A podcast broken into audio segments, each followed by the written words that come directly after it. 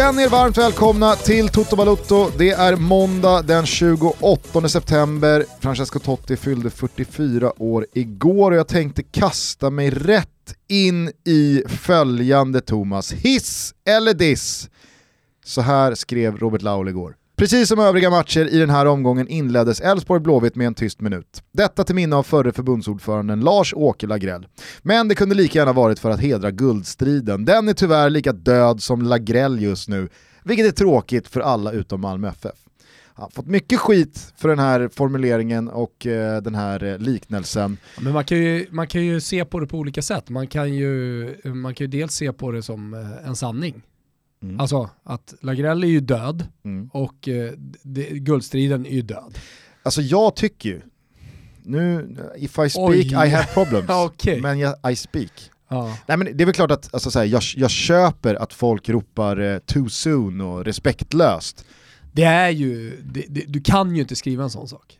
Det kan du faktiskt inte göra. Men det är, Sen kan ju det, det landa också... hos dig på ett sätt som inte är negativt för att du har en annan liksom, typ av humor eller vad vet jag.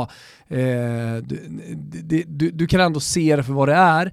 Eh, men samtidigt så tycker jag ju att det, det, går liksom inte, jag som ändå har ganska långt till att ha spärrar och regler och, och, och skriver det ena och det andra, eh, tycker att det är osmakligt jag, jag, när jag läste det så kände jag, puff, vast.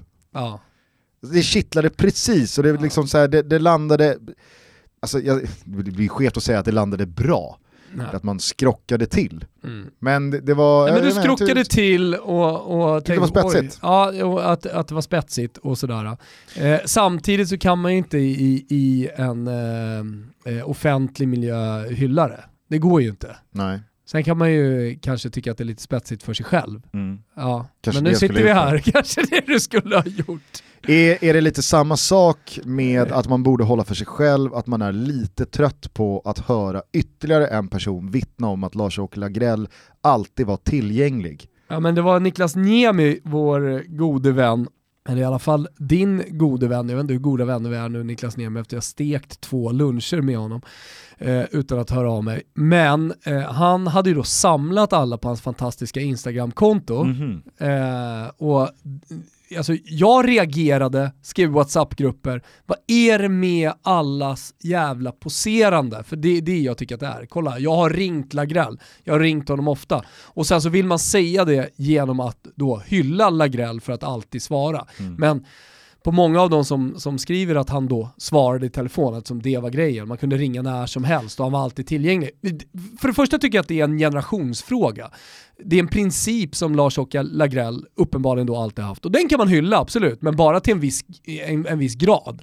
Och eh, jag, jag, tycker mer det handlar om att så här, han är av en generation där man faktiskt svarar i telefon. Och det blir ju krångligt för millennials och kanske även eh, folk födda på 90-talet som aldrig svarar i telefon så fort det är ett nummer som man inte känner igen. Lagrell kan ju... till och med ha tillhört generationen som svarade i telefonen med sitt telefonnummer för att säkerställa att den som ringde hade nått rätt nummer. Så svarade 5 min farfar. 906 min svarade far... Anders Jonsson, min polares farsa alltid. Min farfar svarade alltid 366281 Karlsson. Ja, ja så efternamn efter ja. Visst. Det, är så, det satt som ett rinnande vatten. Ja. Nej men fortsätt, dels då att han tillhör generationen som är uppfostrad att alltid svara i telefon. Ja.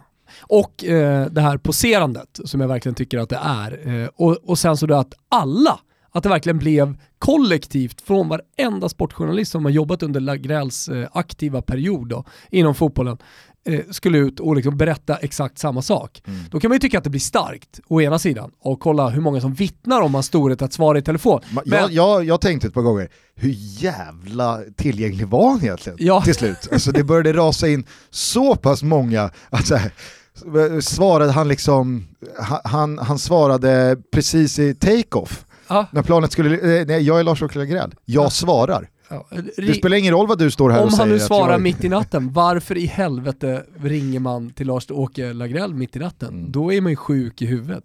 Sen då när jag såg Niklas Niemis eh, Instagram, när han hade samlat allting så blev det så jävla starkt att nu får, lägg av nu. Va, jag, var det på stories eller? Mm. Oh, då måste jag Det missa är där han, där, Ja, det- det, är det- där han briljerar. Han och geniet eh, Ja, håller hov. De håller hov. Ah, ja, jag missade det. Men då var vi i alla fall inne på samma känsla. Nu, nu låter det ju som att eh, man bara viftar bort här att eh, Lars-Åke Lagrell har eh, gått bort. Absolut Mycket, inte. mycket tråkigt eh, och vi är väl de första eh, att skriva under på att han gjorde väldigt mycket bra för svensk fotboll. Ja. Eh, så att eh, vila i frid Lars-Åke, men tycker ändå, eh, och det, det, det står jag för, tycker Laul ska klara sig här. Ja, okej. Okay. det, jag, jag, jag tycker inte att det är en sån formulering så att du på något sätt hamnar dåligt i att du tycker det. Alltså det jag tycker att det var osmakligt. Han hade kunnat undvika att eh, skriva som han gör. Men så är han Robert Laul. Tyckte du att det var osmakligt? I en offentlig miljö, i en podcast där man pratar om det, så är trebarnspappan Thomas Wilbacher eh, faktiskt eh, så stor att han tycker att det är osmakligt. Jag köper det. Eh, det var ju en eh, vecka bakom oss eh, där eh, stora namn från den svenska fotbollsledningen hamnade i, i strålkastarljuset av olika anledningar. Håkan Sjöstrand, generalsekreterare för Svenska fotbollsförbundet, valde att i lördags sätta sig eh, hos eh, Viasat, Nent och eh, Ola Wenström för då en liten eh, utfrågning kring eh, allt som varit senaste tiden. Allt från Kulusevski och Zlatans utspel riktat mot Janne, Håkan Sjöstrands tystnad då och sen då i svallvågorna efter Olof Lunds bok som kom ut i början av veckan då hans väldigt tydliga ställningstagande där han i princip ordagrant säger att Olof Lund, han har hittat på det här. Mm. Det, det är fabler, Mm. det är fabricerat Fabri- fabricerat är ju ett ord som används. för att eh, sälja böcker och göra sig en hacka. Eh, och ett tydligt försvarande av Zlatan som vår största genom tiderna, knappt ett ont ord om det som i alla fall eh, rapporteras om via då Olofs bok med anonyma källor och så vidare. Eh, såg du den här intervjun hos Ola? Ja. Vilken jävla slakt av Enström. Mm. Va? Ska vi lyssna lite bara? Och, och då gick ju först och främst de här spelarna, Mm. De gick ut och sa att det där är faktiskt lite förvrängt, det där stämmer inte. Inte otänkbart att man gärna vill tona ner det när man har blivit utpekad av någon anonym. Ja, men kanske. vad ska vi värdera då? Men, då? men, jo, men det är ju ändå en berättelse från någon inifrån som beskriver ett klimat som inte är hälsosamt på något sätt. Och det är du ytterst, eh, bland de ytterst ansvariga. Självklart. Eh, Och att det kan hur- för... att du inte reagerar på det på det sättet då? Ja, jo, men, en anonym källa som berättas i något sammanhang om det är en du historia litar eller inte på den anonyma berättelsen? Ja, men Tror du inte på den? Va? Tror du inte på den? Nej, det behöver inte vara sant. Det finns mycket som kanske är överdrivet i, i olika historier som skrivs och så vidare. Och inom ramen för det här, då måste man ju också se på, ja det är en anonym källa på något sätt. Och, och jag tycker det ska till betydligt mycket mer innan man börjar svartmåla någon på det sättet. Vilket är du mest frustrerad över? Att det läcker från omklädningsrummet? Att det är en lagkapten som enligt eh, en, en ledare beter sig på det här sättet och som flera eh, faktiskt vidimerar att det här är riktigt, riktigt på gränsen eller till och med över den. Eller att det skrivs om det. Vilket är du mest frustrerad över? Nej, jag är inte så frustrerad faktiskt, utan det är en del av den... Är du inte upprörd över någonting utav det? Nej, jag blir sällan upprörd. Och, och, och, Att det skrivs antingen lögner som du eh, ser det som eller att det faktiskt är någonting som är inte alls Ja, hälsosamt. men du måste komma ihåg också, vad heter det, det var Lunds bok om landslag. Det är inte sanningen om landslaget. men det är det- ju någons uppfattning. Så du tror inte att uppgifterna är sanna fast det eh, finns flera som berättar om det? Att det, är, att det ibland uppstår situationer, det kan jag garantera dig att det gör, där man blir förbannad, man kanske säger någonting i ett omklädningsrum, i kopplat till dem. Den extrema kravbild som finns, det gör det. Och det gör det både herrar och damer och på olika sätt. Och att vi har en spelare som ibland då kanske ja, verkligen uttrycker sina känslor. Ja. Ser du det här ett tecken på en vinnarskalle? Alltså, är det så man ska vara för att nå toppen? Tappar vi inte väldigt många talanger om det här är klimatet i ett omklädningsrum? Nej, men för mig är en vinnarskalle, en då, man måste hålla sig skillnad på en vinnarskalle och en dålig förlorare. Det är otroliga skillnader för mig. Ja, men den som är så att säga bäst och, och högst i hierarkin ska väl snarare visa vägen istället för att trycka ner? Jo, men du, återigen, det är någon som påstår en massa saker. Vad känner du? Jag känner ju framförallt att eh, Sjöstrand inte riktigt var förberedd för den här typen av intervju. Jag vet inte vad han hade förväntat sig. Eh, samtidigt som jag tycker att det är helt uppfriskande att se, eh, att, att, att se sanningen lite grann. Eh, för när han går på så hårt kring Zlatan och Janne Andersson så har han ju faktiskt inget svar. Utan där, där är det ju väldigt tydligt att eh, det är jobbigt för förbundet Mm. som eh, Sjöstrand representerar. Eh, och att man helt enkelt inte, tycker jag i alla fall, inte har försvarat sin förbundskapten Mm. och liksom inte stått bakom honom. Och då blir det i stunden för Sjöstrand, inser han det, han har säkert insett det tidigare också, att, att det blir pinsamt. Ja. Han har hamnat i, han blir synad lite grann. Det, känslan är att det är en intervju där någon blir synad. Ja. Och så sitter han där med brallorna neddragna och bara shit, jag kan inte göra någonting här. Jag är synad. Och jag känner i alla fall att så här, även fast man tar positionen som Håkan Sjöstrand gör och, och, och kanske vidhåller att man, man viftar bort det Olof skriver om i sin bok eller att man inte tycker att det är konstigt att eh, man inte är ute och stöttar Janne offentligt när Zlatan twittrar som man gör där för någon månad sedan så måste det levereras med lite bättre ord. Det måste levereras med lite tydlighet och med lite tyngd. pondus och Ja. tyngd. Ja, ja, exakt.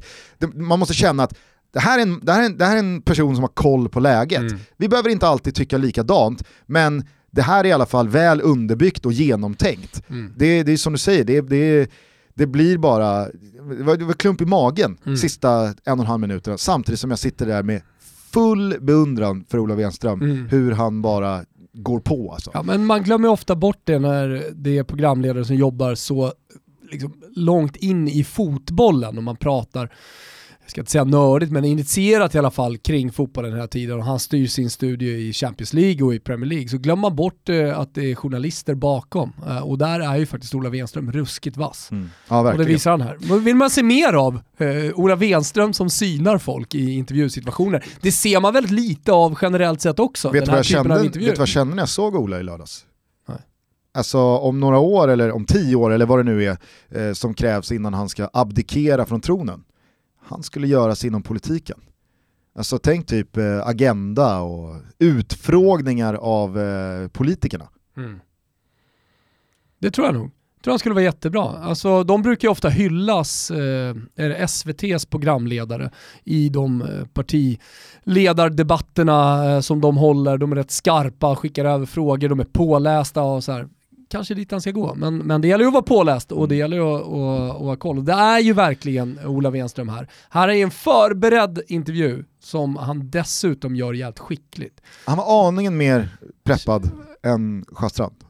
aningen mer preppad än Sjöstrand. Är det schnitzel till Wenström och eh, en gulasch till förbundet? Ja.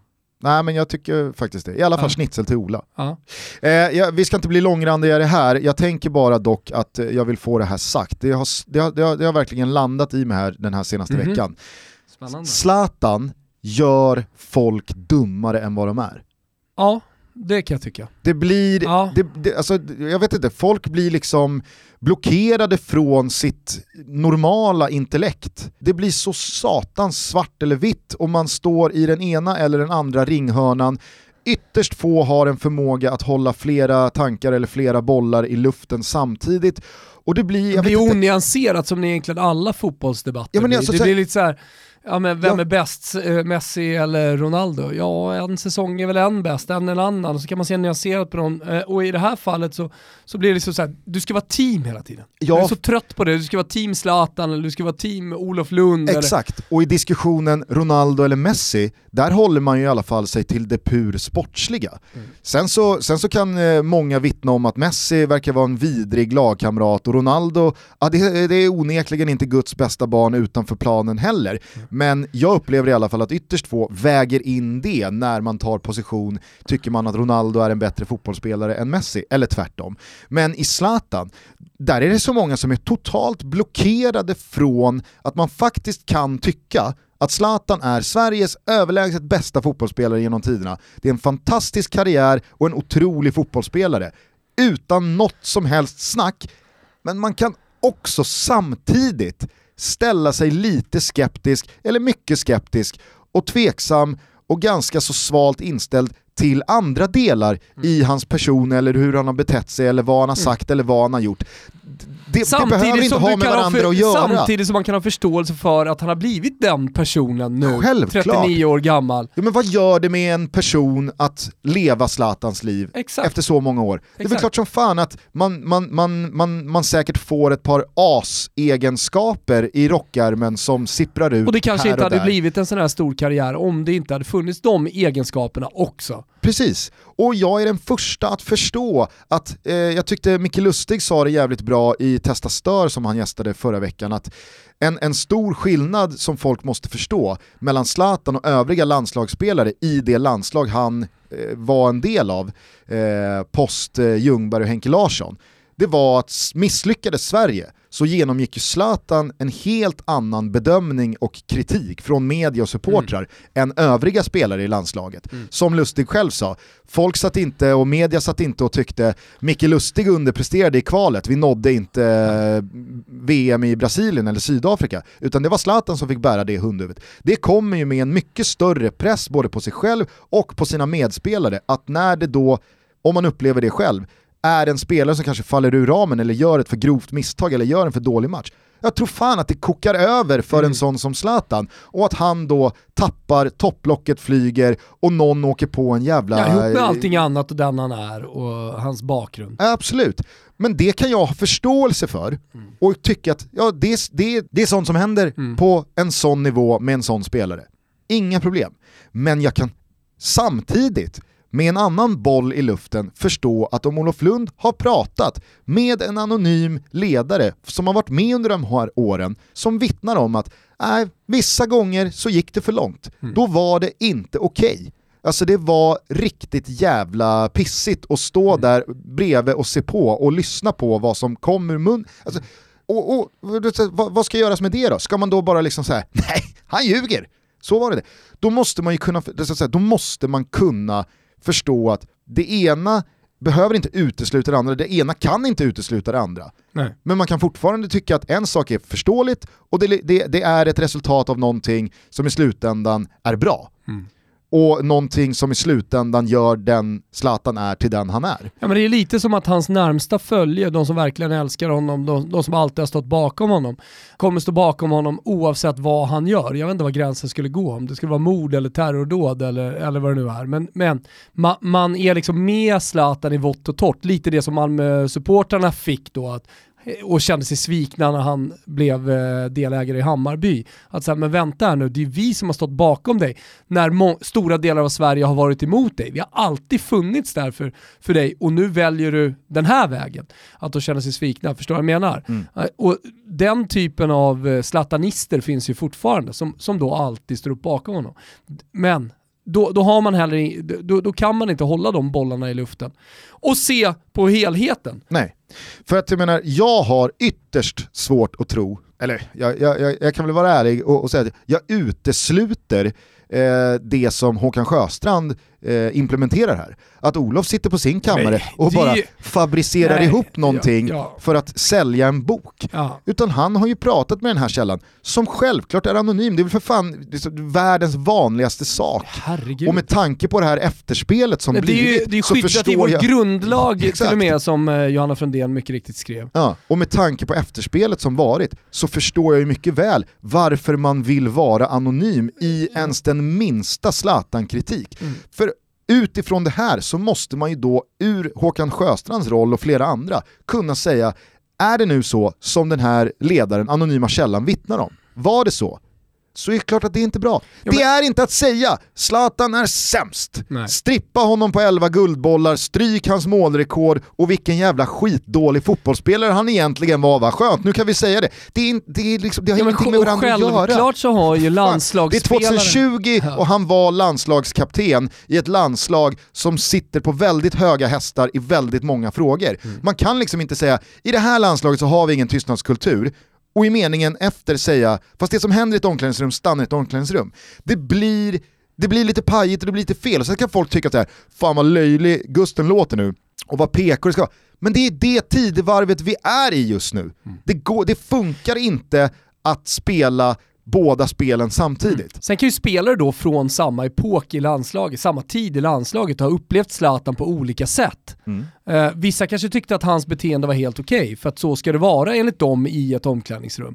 Och, eh, och vissa upplevde honom då eh, som en mobbare eller eh, som någon som drog ner på stämningen, vad vet jag, som blev destruktivt för, för gruppen. Medan andra inte tyckte det. Och det måste man också kunna ta in när man eh, då, som i Olof Lunds fall i den här boken, eh, en an, det, det, finns en anonym källa som, som, som vittnar om saker. Det finns säkert eh, andra landslagsspelare som kan vittna om en fantastisk Zlatan, att han gjorde otroliga grejer på planen också.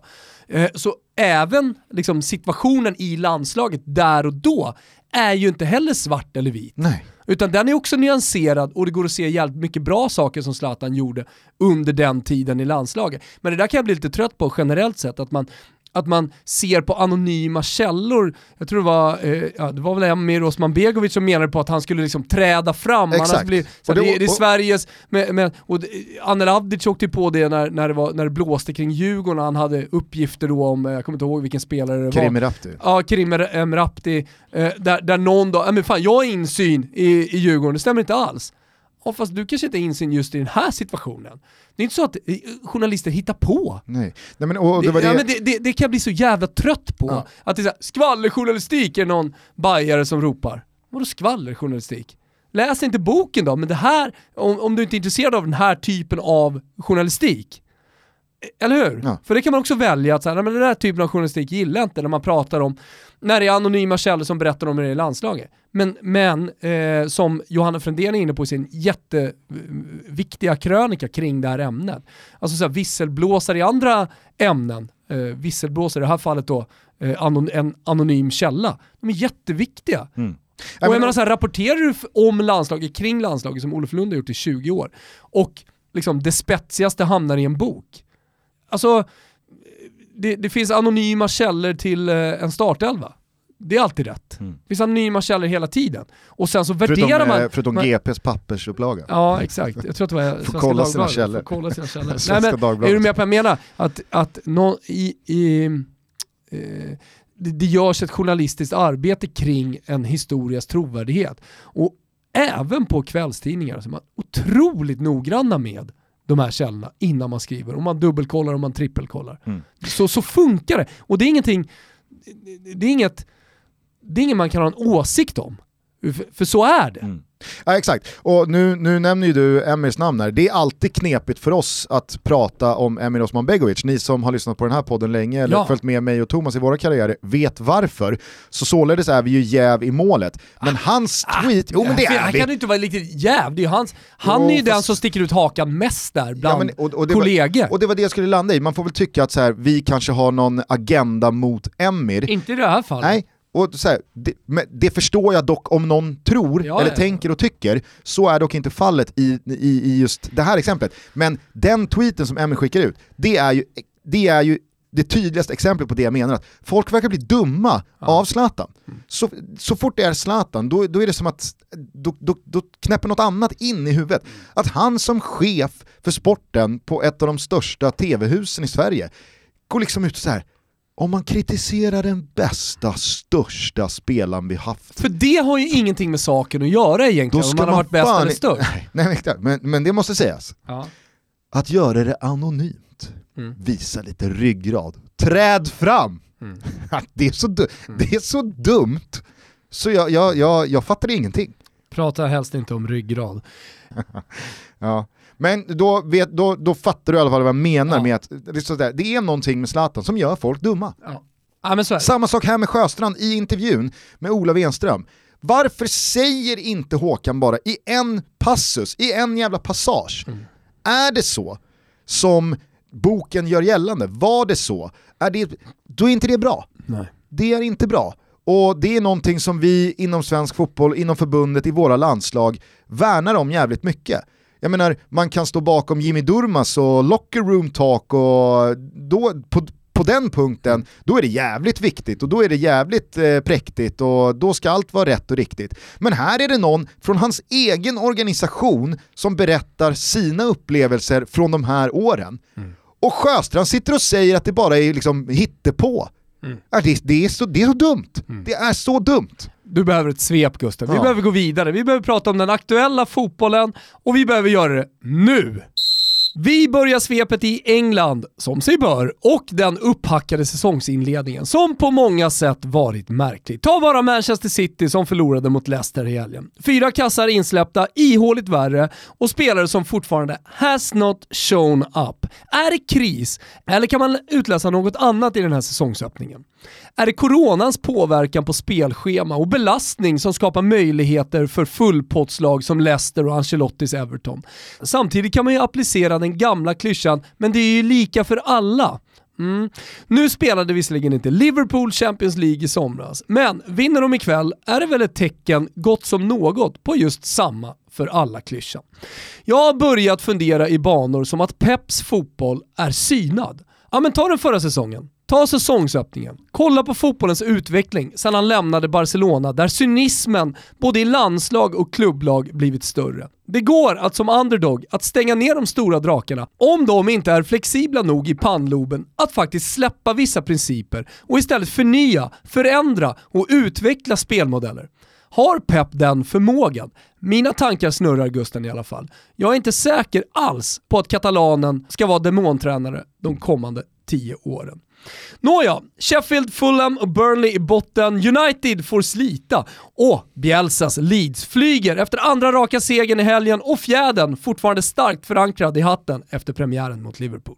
I Italien bjöds vi på en galen match på Giuseppe Meazza på lördagskvällen när alltid estetiskt stekheta Viola med en Frank Ribéry i storform spelade vägvinnande omställningsfotboll. Till slut blev det dock Vlahovic missar som avgjorde, ihop med en kontementalitet inbankad i Interspelarna. Allt är alltid möjligt för Pazza Inter. Vi imponerar såklart av Gattusos Napoli som dängde dit trötta Genoa med 6-0, av Milan som visserligen mötte beskedet motstånd i Crotone, men som verkligen lärt sig luckra upp försvar med sin snabba kombinationsrika fotboll. Juve fick bara kryss i Rom dit man kom med ett ihåligt försvar och helt ärligt ganska lite spets bortom Cristiano Ronaldo och Dejan Kulusevski. Moratas insats, ja, den var hädisk. I förbifarten vann Atalanta och vi konstaterar att Sassuolo ser exakt likadan ut som de alltid gjort. Alltså, även när Giorgio Squincy var vid livet. Från Spanien tar vi med oss Barcelonas första 45 och 4-0 på Villarreal. Ansu Fati, vilken gubbe. Messis efterträdare är nog född, uppvuxen och redo att ta över vad det lider. När Morata sprang runt vilse utan kartor i Rom gjorde första valet Suarez ett superinhopp för Atletico, som verkligen ser ut som en titelutmanare i La Liga. Alexander Isak har fortfarande inte gjort mål, men förtroendet är starkt där borta i San Sebastian och jag kan här och nu garantera, lyssna Gusten, doppietta mot Valencia. I Tyskland flyger svenskarna och fan vad härligt det är med Foppen tillbaka. Skadefri i superslag är han återigen en av Bundesligas absolut bästa anfallsspelare. Utöver Foppen hittar även landslagskollegan Quaison nätet och visst är det supermysigt med vår lilla Bundesliga-duo. Jag vet att ni undrar, det gör vi alla.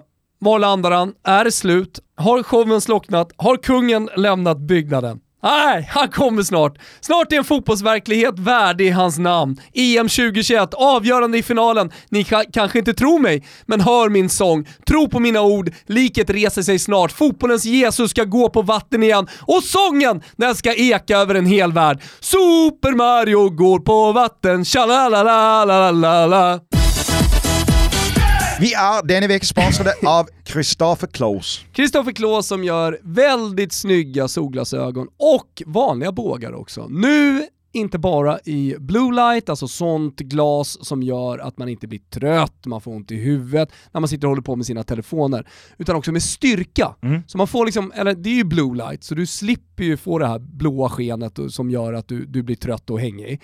Eh, men dessutom kan du lägga på din styrka nu då. Det är en nyhet på Kristoffer Kloos ska jag berätta Gusten. De sitter inte och sover där nere i Danmark. Nej, det gör de sannerligen inte. För bara en månad sedan så presenterade de ju Brady-kollektionen och vi snackar ju såklart om Tom Brady. Amerikanska fotbollsspelaren. Quarterbacken som eh, bidrar med en otrolig karisma i den mix av Rivierans elegans och eh, dansk-skandinavisk design som redan är Kristoffer Klås, så är treenigheten nu komplett. Så är det, gå in på kristofferklås.se, det stavas alltså CH, PH och Klås stavas med två O. Och så kika in på Brady-kollektionen, kolla på ett par sådana här blue light-glasögon eh, och så vet ni om också då att ni kan få dem med styrka. Precis, vi säger stort tack till Kristoffer Klås för att ni är med och möjliggör Toto Balotto. Stort tack! Hörni, vi är sponsrade av A Days March, ni vet klädmärket som gör så jäkla snygga grejer. Det är Gusten, stilrent och det är kvalitet av högsta klass på deras prylar. Och jag menar det verkligen, för att den kvaliteten som man får på prylarna för det priset, det är faktiskt unikt. Jag har skor från A Days March eh, på mig nästintill varje dag. Mm. Eh, deras overshirts alltså, kan jag inte vara utan. Nej. Jag har eh, pikéer och framförallt så har jag deras t-shirts. Mm. Top notch t-shirt. Ja, men de jobbar verkligen med jättebra material. Nu är också fleecevästen tillbaka. Du vet den svarta jag hade Gusten. Som vi försökte döpa om till Wilbur José. Eh, den finns nu också i grönt. Det är inte dåligt. Det är snyggt. Ja, det är riktigt snyggt. Den ska jag se till att skaffa mig, för den har ju varit slut annars, eh, fleecevästen, väldigt länge. Jag lyckades ju sumpa en, men fick tag på en large till slut. Hur som helst, många tänker A Days March, det är kläder för män, eller hur? Mm. Nu, i oktober, kommer också A Days March Dam. Aj, aj, aj, aj. Så alla som Dunder. lyssnar på det här, ni har två saker att göra. Dels berättar ni för era flickvänner, eller om du då är tjej som lyssnar såklart, så håll ögonen på A Days March. Eh, ni följer dem såklart på deras Instagramkonto, där de heter A Days March. Och sen, ni andra, ni går in på adaysmarch.com och så handlar ni med koden TOTO som ger er 15% rabatt. Jag ska också säga att det ger er 15% rabatt om ni bara går in i en butik. De ligger i Stockholm, Köpenhamn, London och Göteborg. Eh, så får ni även 15% i butiken alltså. Det gäller till och med 4 oktober, så veckan ut. Det gäller att vara på tå här. Det gäller det sannoliken. Vi säger stort tack till A Days March för att ni är med och möjliggör Toto Balotto. Stort tack. Vad, vad eh, indikerar sista delen här? Känsla, magkänsla. Ah, Okej, jag har någon klubb? Ja, på väg till Genua. På väg till Dacia Genoa, ja, ja. som de benämndes i svepet. Ja, men du vet, bara det blir harmoni där i livet så kommer fotbollstalangen att blomstra och eh, Super Mario kommer flyga. Mm. Det var många som har undrat och varit på, så att, eh, det, det finns fortfarande stark tro och eh, kanske var det så att EM21 kom bra då, att coronan kom för Super Mario så han får spela en hel säsong. Fan vad kul det ska bli. Det är inte lika mycket morgonluft i Iguains lungor va? Nej, herregud alltså. Såg honom eh, bränna en straff i, i Miamis match här i natt på ett sätt som eh, indikerade att... Eh, Det är som att han inte riktigt orkar göra pendelrörelsen när han ska skjuta. Han har liksom ingen träff på bollen längre. nej, men sen ska det muckas och tjafsas med motståndare efter straffmissen och man känner bara Han har nej. inte varit en muckare heller riktigt. Han är ingen Diego Costa. Men när Iguain ska göra det efter en straffmiss i Miami, då är det, då är det nog över Gusten. Ja. Nej, det, det, det verkar inte bättre. Eh, mycket har hänt i helgen, matigt svep, bra där. Eh, tycker att du är inne på någonting eh, kring Pep Guardiola. Nu blev det ju klart med Ruben Diaz här för eh, nya 700 miljoner någonting från Benfica här i morse. Då ska allt bli bra. Ja exakt, är det inte lite måndag hela veckan där? Det är lite som de har spelat utan försvarare, men nu kommer Ruben Diaz, då har man helt plötsligt Ja. eh, en, en eh, liksom fulltal i backlinjen. Man ska väl ge det absolut till Laporte att eh, han har varit bra, men han har ju varit alldeles för skadebenägen så att det har ju varit för mycket eh, fram och tillbaka med, med, med Återigen, hans de har inte spelat utan försvarare. Nej ex- exakt, och det är det jag menar. visst, van Dijk, kolla hur han styrde upp eh, Liverpool. Jo, men det var också en sista pusselbit som kom med målvakt och allting var så utstuderat. Man, alltså Liverpool visste ju att de skulle sätta, ihop med, lyssna nu, för det är fan det viktiga och det jag pratar om, ihop med Jürgen Klopp som hade förändrats eh, och hade förändrat Liverpool som kunde lida i matcher även mot Southampton hemma Mm. och, och vinna med 1-0 istället för att bara liksom gå efter gamla principer och spela på ett sätt. Det är det som någonstans är det stora. Och när van Dijk och eh, Alisson kom in, så var det i ett Liverpool som inte såg ut som Dortmunds gegenpressande liksom, lag, utan det var ett Liverpool som kunde spela mer lågt och mer cyniskt. Mm. Ja, jag, jag är också skeptisk kring eh, Pep Guardiolas eh, framtid där i Manchester City. Nu ska det väl såklart brasklappas att både Kun Agüero och Gabriel Jesus var, var skadade, eh, att eh, man, man, har en del avbräck eh, att det kanske saknas eh, någon... Eh, Maximal utdelning för Leicester och så vidare. Alltså, ah, ja. jag, jag, jag, det här är ju tankar som jag har haft och som jag säger i svepet, nu är det bara ett svep, men om jag ska utveckla det lite, kolla på hur fjolårssäsongen såg ut då. Vad är det som säger att, att Manchester City i år ska bli så jävla mycket bättre än vad man var förra säsongen? Vad är det som gör det? Är det Ruben Diaz? Är det något annat nyförvärv? Är det att man har lärt sig någonting? Vad har vi sett då i Champions League-spelet i somras och den här lilla säsongsöppningen? Nu kanske City vinner tio raka, men över en hel säsong. Vad är det som säger att de plötsligt ska vara så mycket bättre? Ja, det är väl argumentationen om att man skulle vara påkopplade från start en sån här säsong. Inte ja, släppa inte. Nej exakt, och det är det som är anmärkningsvärt. Det är för Pissade jävla många misstag. Nej, men de släppte ju iväg Liverpool för mycket, slarvade bort för många poäng jo, själva. för att man var dåliga. Ja. Man spelade dålig fotboll. No. Nu, nu förlorade man igår mot Leicester. Okej, okay, Gabriel Jesus var inte där, man har en ny mittback på väg in. Nej men, men, man är ju för slarviga. Man håller ju på liksom, man är för slappa. Mm. Kolla miss, alltså missarna man gör i, i Champions League-uttåget mot Lyon, det är för dåligt. Eh, jo, men det första, matchen, mot Spurs. För, första matchen mot Wolves, alltså, alltså Manchester, City, Manchester City är så bra i första halvlek mot Wolves att det är, det är helt otroligt. Mm. Och så eh, kommer en andra halvlek, man bara man kraschar. Men då kan man, också, man håller man på att tappa fråga... in 2-2, mm. igår mot City, igår mot Leicester, man leder med 1-0, vad gör Kyle Walker? Alltså han har spelat fotboll på den här nivån i tio år. Det, det är en så usel straff att dra på sig så att det, det, det liknar ingenting. Jo men då blir jag ju snarare liksom eh, ifrågasättande kring eh, ja, men ledarskap, eh, eh hur, hur, ja, hur planerar man en match, en hur spelar man en match, hur, hur, gör man en säsong liksom? Hur kommer det sig att man gör en så dålig andra halvlek? Hur kommer det sig att man är, är slarviga mot Lyon? Hur kommer det sig att man åker ut mot Spurs i Champions League? Hur kommer det sig att man landar så långt efter eh, Liverpool? Hur, hur, kommer det sig att man har så höga toppar där man spelar fantastisk fotboll och så, så djupa dalar? Och vad talar för att det ska vara annorlunda i år? Nej jag vet inte. Alltså, och det, alltså jag håller ju med dig, jag tycker att det är, det är en bra spaning, jag försöker bara ge dig ett svar. Att ja, ja, kollar man på varför City har förlorat matcher, åkt ur turneringar senaste två säsongerna, så är det väldigt få matcher där de har blivit hands down utspelade. Liverpool har tagit dem till skolan ett par gånger, det ska Liverpool ha, absolut. Men City, City förlorar nästan 25% av matcherna mm. förra säsongen i ligan. Åtta av de förlusterna, det, det är ju förluster där, där City slarvar och bjuder mm. snarare än att de möter ett bättre lag som eh, slår dem ja, för att man, man, helt enkelt är bättre än Manchester City. Och det är samma sak i, i Champions League också. Miss, alltså, Ed, Ederson i mål, Sterlings miss, alltså det är så här, vad håller ni på med? Mm. Vad håller ni på med? Mm. Det, och, och, och, det vi... faller ju såklart på pepp. Ja. Och jag, jag och tycker någonstans att det är lite nog City där, eh, vi får se vad som händer, men det är i alla fall så jag tänker kring Manchester City och eh, Pep Guardiola just nu. Mm. Men det är mycket som är märkligt med den här säsongsinledningen och det är svårt att reda ut vad den här pandemin eh, egentligen påverkar och vad som präglar matcherna en, en sak som är mest. uppenbar, det tycker jag är att den påverkar eh, olika lag på olika sätt. Mm. Vissa ha, har hanterat det bättre. Kolla på Manchester United. Inte som... bara hanterat, de har ju tvingats hantera. Alltså, vissa ja, lag var ju så långt in i säsongen 1920 mm. att det knappt har varit någon försäsong, man har inte hunnit spela någon träningsmatch, man samlas 23 pass och sen så är det, sen så är det ligaspel. Medan andra lag har haft tid att ja, komma ja, men... mycket mer förberedda. Mm. Äh, två av lagen som verkligen kom förberedda och gjorde det jättebra under sommaren när äh, ligaspelet återupptogs var ju Manchester United och Milan. Och kollar man på Manchester United så har de inte riktigt eh, lyckats bevara den fina formen man hade i somras. Mm. Och kollar man då istället på Milan så ser man ju eh, ett, eh, ett Milan som inte bara bevarat utan även ser ännu bättre ut än vad man gjorde i somras.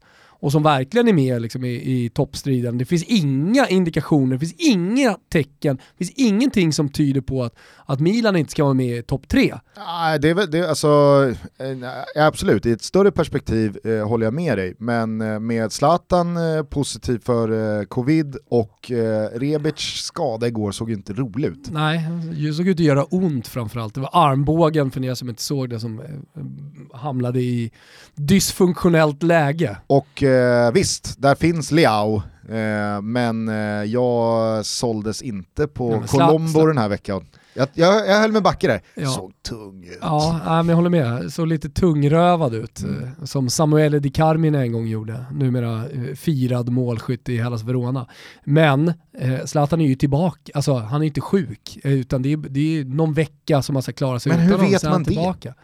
Jag, Vadå? frå, jag, jag, men, Vadå, tror att, tror att han, tror han ligger inne på IVA i Lombardiet? Nej men jag, alltså jag frågade det här, jag frågade Vicky Blomé i, i studion igår i Fotbollssöndag Europa, tack alla som kollar och hör av sig med, med glada tillrop. Att, hur, hur, kan man, hur kan Maldini vara så säker på att han inte har coronan om en vecka eller två? Alltså så länge han testar positivt för den så... Eh, Kolla på Leao, han hade corona, han var tillbaka efter tio dagar. Det är klart att Zlatan, men alltså så här, han är inte borta en månad Zlatan. Han är tillbaka, om inte nästa helg så är han ju tillbaka helgen efter det. ja, det, nej, men jag, det jag, liksom- jag tyckte Vicky sa det bra, nu har man ju Spezia hemma i nästa Ja. och sen är det landslagsuppehåll. det, och till och med Colombo kan sänka Spezia. Sen, sen gillar jag ju Spezia. Ja, men du, eh, alltså, Martin såg, såg att Sassuolo hade, Sassuolo hade alltså tre bortdömda också. Ja, jag såg det. Och vinner med 4-1. Jag för mig, någon eh, får rätta mig om jag har fel, men jag för mig att de hade en match förra året som var likadan. Alltså de hade typ såhär tre, fyra bortdömda mål. Det var parodi. Nu har inte jag läst Gazettan idag, de, de eh, uppmärksammar i så fall säkert det. Men, men det slog mig eh, när jag såg Fotbollssöndag eh, Europa igår, när ni pratade om det, att har inte jag sett så, eh, ibland får man ju déjà vu va Gusten? och man, eh, man tycker att man liksom har upplevt det tidigare.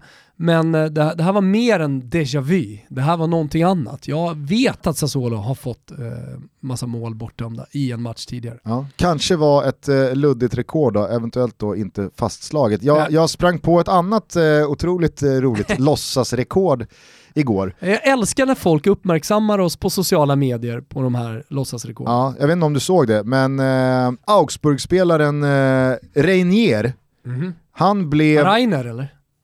Ja, alltså det är ett i efter n-et. Ja. Rainier. Ja, Reinier. Eller Rainir blir det ju på tyska då. Ja. Reinier blev i alla fall i förrgår då, mot Dortmund, den trettonde palindromspelaren i Bundesliga. Eh, och för alla er som inte vet vad ett palindrom är så är det eh, typ naturrutan, som baklänges blir naturrutan. Exakt. Eh, sirap i Paris. Anna. Anna är också ett eh, palindrom. Och då, då tänker jag så här, och, och, så, och så fylls det på med att eh, av de här 13 spelarna så är Rainier den med eh, det, det längsta namnet.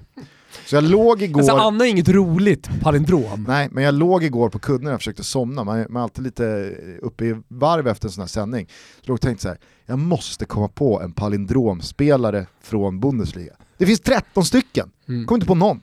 Nej, men det är historien också väl? Ja, Alltså, såklart, spelare men på vad fan. 30 50-talet då.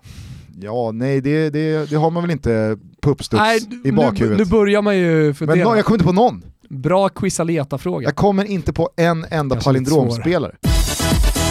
Eh, ska vi ta oss tillbaka till eh, svepet? Du nämner Luis Suarez, eh, hoppar ju in eh, med drygt 20 minuter kvar i Atleticos match mot Granada, gör en assist direkt innan han själv fyller på med två bollar. Mm. Alltså, första nicken han sätter, Mm. det är så jävla fin den nicken. Ja men den är jättefin, men, det den andra målet... bakifrån och i Mm. luften bara liksom trycker Men- till med jag tycker nackmusklerna. tycker att det andra målet är fint också för att det är så jävla energi. Och det var så roligt för då hade man ju sett Moratas prestation eh, och jag då som hoppade in i ert svep eh, och där ni pratade om Suarez. Alltså Morata utstrålar ju en energilöshet Samtidigt som alltså en energilöshet som är, som jag sa i, i svepet, hädisk.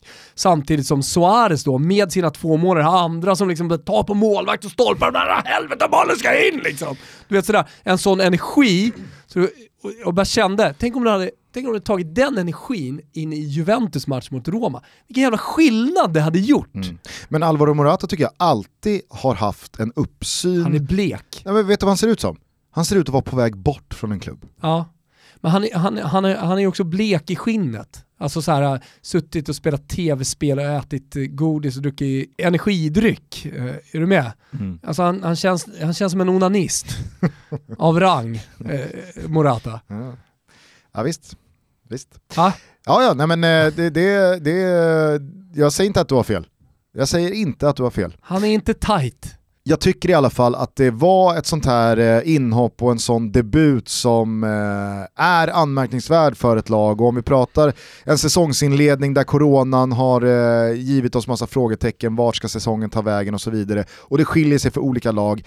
Att Atletico Madrid blir av med Alvaro Morata, som alltid ser ut att vara på väg bort från en klubb, får in Luis Suarez som visst, han är 33-34 år, han ville vara kvar i Barcelona och det kanske inte blev som han tänkte sig det här.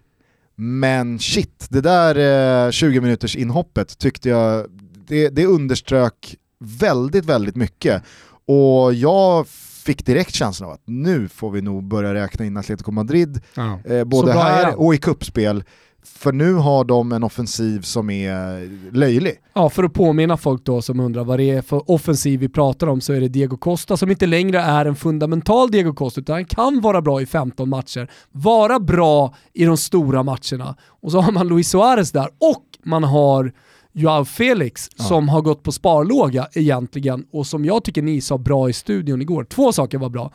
Det ena var väldigt roligt att Pinetoro berättade att eh, Diego Costa i den så kallade flashen, hade sagt att eh, ja, nu har ni två spelare, dels en som eh, kan slåss och en som kan bitas. Det skrattade jag åt mm. i det lilla, att man kan liksom vara så öppen och, självdistans. och, och, och ha självdistans. Och sen då att ni uppmärksammade att Jao Felix kan jobba i det tysta lite mer, eller få bort lite press från sina axlar. För förra säsongen så handlade ju väldigt mycket Atletico Madrid om att få igång honom. Att det var han som skulle göra allting. Nu har han, eh, nu har han två stycken låt oss säga det i alla fall, större karaktärer som tar lite mer plats på en plan och i media eh, i samma lag och mm. i samma startelva. Vad eh, drog du för eh, slutsatser från eh, Barcelonas eh, första match då under Ronald Koeman med Henke Larsson jämte sig? Nej, men, eh, på tal om stormiga och märkliga säsongsupptakter. Ja, nej, men att Barcelona är ett ruskigt jävla bra fotbollslag. Och jag tror att Barcelona har saknat lite jävla struktur. Eh, nu pratar fotbollsexperter om linjer i spel och liksom tydlighet i försvarsspel och, och sådär. Jag tror att det är det som eh, Barcelona har saknat, att man känner sig trygga bakifrån. Och det tror jag definitivt att eh, Ronald Koeman kan sätta. Sen har man så pass exceptionella offensiva spelare som avgör matcher, då, då, då, då kanske det räcker Förstår du vad jag menar? Då, då, då, räcker det med att man sätter försvaret på ett helt annat sätt. Och så kan man göra sådana här prestationer där man vinner med 4-0 och sen stänger man bara ner matchen. Och så går man på sparlåga, energisamlar och kan komma till nästa match och, och liksom... För, för, för det, det, upplevde jag verkligen förra säsongen, att matcherna var aldrig klara för Barcelona. Utan det, det fanns alltid ett hot liksom i, i 90 minuter. men det är lite som Manchester City. Ja. Även fast de leder med 2-0, ja. man vet att en dålig dag, de kan klappa ihop här. Exakt. Medans... På något jävla sätt så slarvar de in en reducering och så blir det nervöst och sen så eh, lyfts det in långbollar och så bara dimper det ner. Och, så och det är det jag menar med Ronald Koeman, när vi pratade om Ronald Koeman inför också, alltså anledningen till att jag tror på honom, att om, om han kan skapa lite tydliga ramar i, eh, i Barcelona så har han eh, ett så jävla bra lag individuellt sett att eh, de borde kunna liksom, ja, vara med långt fram i Champions League och, och, och vinna ligan också. Nu var det inte någon, Precis det de behövde kanske. Ja, det var inte någon debut utan snarare en comeback eh, som jag tyckte lovade väldigt mycket. Coutinho, mm. alltså kan man bara få, kan man bara få det att funka ja. med en sån spelare i ett lag som Barcelona så är det en dimension till och en ja. växel till att lägga i. Men det är det jag menar. Att när den spelaren mår bra, nu kommer han ju tillbaka från Bayern München som Champions League-mästare och säkerligen byggt på sig lite självförtroende. Alltså det är sån Ja, men det är det jag menar också när det kommer in en ny tränare. Eh, så det man ofta ser om det funkar, det är ju spelare som lyfter sig eh, och mår bättre under just den tränaren. Och där kanske Coutinho då blir det tydligaste exemplet. Alltså Leo Messi han är bra jämt. Eh, Ansu Fati är på väg upp. Han mår uppenbarligen bra under Ronald Koeman men mådde väl hyfsat bra förra säsongen också då han fick spela. Men att han får lite mer eh, speltid och mer förtroende och mer ansvar och att han kan tackla det. Så att, ja, jag, jag vet inte, det, det är någonting, jag kanske, man ofta drar med lite för stora växlar på en säsongsinledning. Mm. Nu, gör, nu drar vi ganska stora växlar på City och, och sitter här och hyllar Barcelona efter 4-0, men, men, men det, det finns det, och det fanns någonting innan säsongen började som jag ändå gillade i, i valet Ronald Koeman. Mm. Vissa tränare passar bra i vissa miljöer. Eh, nu är inte det liksom, ja, nu- alltså, Nagelsmann, fan vad man liksom tror på honom. Och det finns många unga tränare som är på väg upp med fotbollsfilosofier som man gillar. Eh, Ronald Koeman skulle då kunna kännas lite mossig kanske för vissa. Han är inte lättälskad. Nej, men jag tror att det är det Barcelona behöver. Ja, kanske. Eh, Ansu Fati då, alltså killen är inte ens 18 år fyllda. Eh, jag sa det i studion igår, att det, det är nästan, alltså jag tenderar att glömma bort det. Alltså man tar, honom, man tar honom för givet.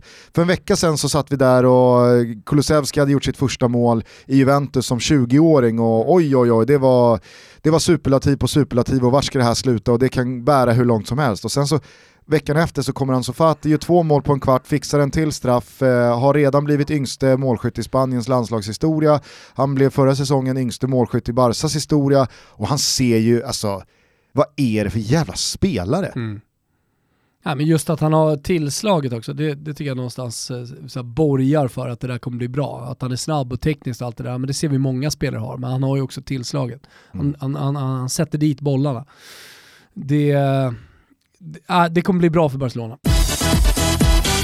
Toto Balotto är sponsrade av K-Rauta och det är vi väldigt, väldigt glada för. För nu Thomas, nu har det dragit ihop sig till bastutider.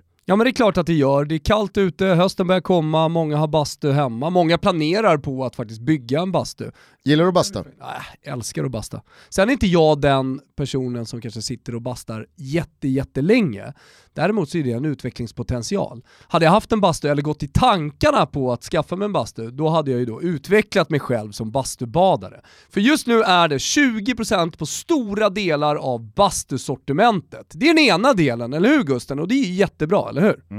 Men det är dessutom tävlingsdags. Det är tävlingsdags. Och då har man alltså chansen att vinna ett bastuaggregat från Harvia. Det är väldigt enkelt att vara med. Följ Kårauta på Instagram, tagga två kompisar som du vill bjuda in till en bastukväll och så motiverar du varför just du ska vinna. Ni hittar Kårautas konto såklart via vårat konto Toto Balotto på Instagram. Väldigt enkelt att vara med och det ska ju såklart alla vara, eller hur Gusten? Yes, och är det så att man eh, på något annat sätt behöver hjälp från Kårauta så är kårauta.se alltid öppet. Ja, och jättebra inspiration på deras Instagramkonto. Så det är bara att följa. Vi säger stort tack till Kårauta för att ni är med och möjliggör Toto Balotto. Kitos! Vi är denna vecka sponsrade av Stay Hard och jag tycker superproducent Kim Wirsén att det är läge för en liten fanfar. Vad då då undrar ni? Ja. Jo, Stay Hard fyller 15 år. Ah, 15 år de har varit igång nu på Stay Hard. Helt otroligt. Ja, men inte undra på att de har utvecklats och blivit så stora som de har blivit. För att eh, det finns ju hur mycket som helst i klädväg manligt mode, eller hur Gusten? Det gör det sannoliken. 15 år, 2 miljoner utskickade Oj. paket och 600 000 kunder. Wow, Det är respekt. det är respekt. Hur tror du Stay Hard firar då? Ja, men jag tror att de firar stort. Det tror jag att, att de gör där borta. Eh, Men de vill ju få med sig sina kunder också Gusten. Såklart. Eh, Och det gäller ju även nya kunder, ni som inte har varit inne på stayhard.se eh, sedan tidigare. Och jag misstänker någon slags liten rabatt eller? Inte så liten va? Aha. På stayhard.se så är det födelsedagskalas och du som lyssnar på det här är inbjuden som VIP-gäst. Det är upp till halva priset på allt. Oj, Inte varorna märkta med no discount då, men allt. oj. Nej men det är sanslöst. Inga koder, inget tjafs, bara massor av röda priser på denna näst intill oändliga garderob av toppmärken. Mm. Festen pågår till och med 4 oktober, men vänta inte för länge med att gå in på stayhard.se för saker kommer ta slut. Och på Instagram så heter Stayhard stayhard-official. Där tävlas det ut helt sjuka grejer under den här födelsedagsfestperioden. Kul! Allt från elskoters till uh, Curve TVs, PS4-konsoler och limiterade Supreme och Nike-produkter. Hm. Så in och följ Stay Hard Official på Instagram så missar ni ingen av de här tävlingarna. Du, det var ingen dålig födelsedag Gusten. Vi säger stort grattis på 15-årsdagen till Stay Hard. Det gör vi sannoliken. Stayhard.se, nu är det födelsedagsparty. Härligt. Vilken lördagkväll det var! Ja. Ibland så eh, är fotbollsgudarna snälla mot en. Ja. Jag tyckte att det var en helt otrolig lördagskväll. Parallellt så kikade jag alltså Real Betis mot Real Madrid från Benito Villamarin Mm. och eh, Inter mot eh, Fiorentina på San Siro. Alltså, att, att ha två sådana matcher bredvid varandra en lördagkväll när, man, när det bara är lugnt och tyst och mörkt ute och Nej, jag mår så bra då. Ja. Jag mår så bra då alltså. Och du nämnde ju svepet Pazza Inter, det var det ju verkligen med besked. Eh, spelarna man byter in, alltså dubbelbytet, Nangolan, Vidal, Alexis Sanchez kommer in och är riktigt bra, Lukaku, Lautaro eh, plockar upp eh, där, där förra säsongen slutade. Men Fiorentina, alltså Ribéry, Mm. när han är fit for fight och när han tycker det är roligt att spela fotboll mot de stora lagen. Det var som Gazettan skrev dagen efter matchen i söndags, eh, att eh, Ribéry, han förtjänade ett fullsatt eh, San Siro. Och det är bara att hålla med. Mm. Det, det, det, det är väl det enda som, som gör att man tycker att det är lite tråkigt. Att, eh, det, är liksom inte, du kan ju tänka dig den matchen med 80 000 på läktarna. Mm. Det hade ju gjort någonting såklart, men det är också i de matcherna som eh, Frank Ribéry lyfts. Alltså även om det inte är publik på, på Miazza så är det ju eh, en stor match och det är mot eh, Antonio Contes Inter som ska vara titelutmanare. Så det gör ju någonting med de största spelarna. Mm. Kanske inte att han gör den typen av prestation borta mot Crotone. Nej. Men eh, Frank Ribéry i form som han är nu, fysisk form, är ju lika bra som han är, var i, i Bayern München såklart. Nu satt ju både du och Svanemar här för eh, två veckor sedan och höll Inter som favoriter, eller kanske inte favoriter, Ah. men ni trodde att de eh, till slut efter 38 omgångar skulle stå där som eh, Magkänslan segrare. sa Ja. ja. Mm. Och det man eh, fick se här i lördags, alltså det, går ju, det går ju att mena på att det kanske inte eh, underbyggde en sån magkänsla. Å andra sidan så tycker jag att det som sker med bytena in från bänken, att Conte visar verkligen upp en bredd, visar upp ett lag som efter både tre och fyra och fem byten kommer ha ett riktigt jävla monsterlag Ja, på ja. banan. Och det kommer många lag ha svårt att stå emot Mm. i 94 minuter. Ja, eh, dels de spelarna byter in, bredden som du säger. Jag menar laget men också- Milan avslutar matchen mot Crotone igår med. Ja. Vi- Visst, jag, jag, Pioli gör ju helt rätt eh, och segern är ju stenklar från 2-0 i 49 minuten.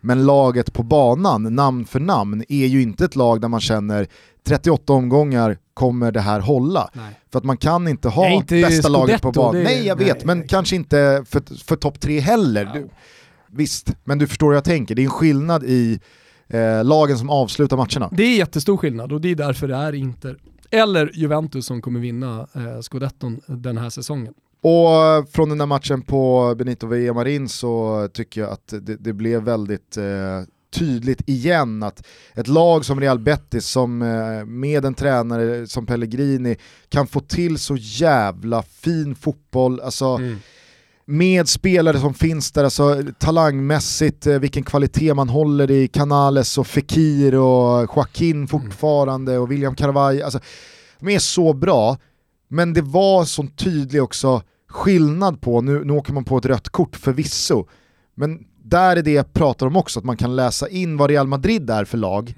i 94 minuter och vad Real Betis är för lag i 94 minuter. Det, det, det, man, man ska inte hålla på och göra för mycket. Och vad Fiorentina är för lag i 90 plus 5. Exakt. Alltså det finns sån höjd och det går att, rubba de allra bästa. Inte för att man får med sig straffar som Leicester eller att motståndarna bjuder på, på misstag eller eh, vad det nu kan vara. Utan för att man faktiskt rent och slätt är bättre än de bästa lagen i världen. Men man är det i 55 minuter. Mm. och man är det i 65 minuter och man är det i 70 minuter. Men, men det, det, det, är, det är så fint på något sätt att se liksom fotbollens natur vara... Jo fast i 89 pågår matchen återigen. Mm. Du måste kunna stå pall och du måste kunna som då lag som ligger under kraftsamla och orka med en forcering och göra det bra och bryta ner lågt stående försvar och få in bollarna och avsluta. Alltså, nej, det var eh, jävla... eh, Med det sagt, vill du säga något om Bayern München eller? nej, jag såg faktiskt inte den matchen igår. Nej. Eh, jag, jag noterade bara att eh, Oli Höners brorsa, alltså Dieter Hönes son, Sebastian Hönes, är tränare för Hoffenheim. Ja. Man vet ju att han, han, hade ju, han var ju tudelad igår. ingen, det var ingen eh, söndagsmiddag, schnitzel eh, nere Nej på men på samma sätt som att han måste ju varit lyrisk över att ha liksom slagit omöjliga Bayern München, på samma sätt så visste han ju, det här var inte så bra. Nej. Nu är Oli lack. Dock roligt. ja. Men det här, nu ströks ju han från listan som potentiell del av Bayern Münchens Ja. tränarorganisation kommande tio år. Mm. Eh, jag skulle bara avslutningsvis från matchen Inter-Fio där eh, säga att när Vlahovic hoppar in, för övrigt ett av de sämsta inhoppen man sett, Mm. när han missar sitt Ah, jätteläge. frågar om inte eh, Christian Eriksens hela prestation var sämre än eh, eh, lilla tårtbit av matchen han fick. Jag Christian läste, Eriksen var dålig. Ja, jag Han spelar inte jag- mycket Inter i jag- höst. Jag läste ändå vissa Inter-supportrar som tyckte att han var ganska bra i första halvlek. Ah, det tycker inte jag. Skitsamma. Det tycker inte Conte och alltså, så väl känner jag Conte. Visst.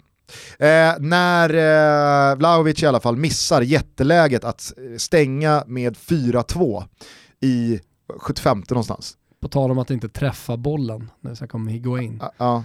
Nej men då, alltså, när det sker så visste man, ja, den här matchen vinner inte det- Fiorentina. ja, alltså, jag det, vet. det var, det, det, Så många folk kan matcher prata med provinslaget kan Fiorentina man sitta har med procent och det var 100% säkerhet när Vlahovic missade den chansen. Ja. Fiorentina vinner inte den här Ja. matchen.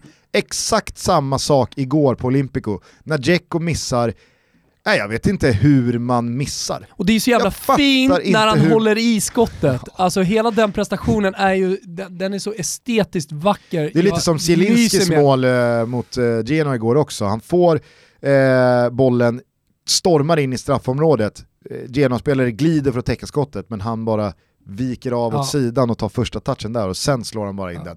Men när Dzeko missar den eh, chansen, Då vet man att Ronaldo kommer kvittera. ja, framförallt så vet man ju att den här matchen kommer inte Roma vinna. Nej. Oavsett eh, om man leder med 2-1 och Rabiot eh, har eh, visat ut sig själv.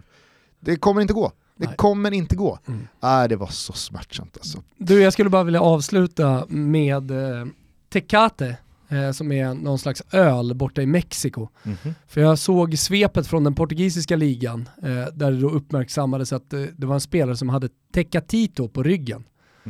Och, Den lille Tecate. Ja, exakt, exakt. Och sen så uh, sades det inget mer, det var ett svep. Utan han sa bara med eh, smeknamnet uh, Tecatito. Mm. Och eh, han hette då Corona. Då tänkte jag så här, har det någonting med, vad, vad har det med att göra här? Då visade det sig att i hans gamla mexikanska klubb så var man sponsrade av Tecate. Men han heter Corona. Så i en, i en viktig match i Mexiko så skriver man inte ut Corona.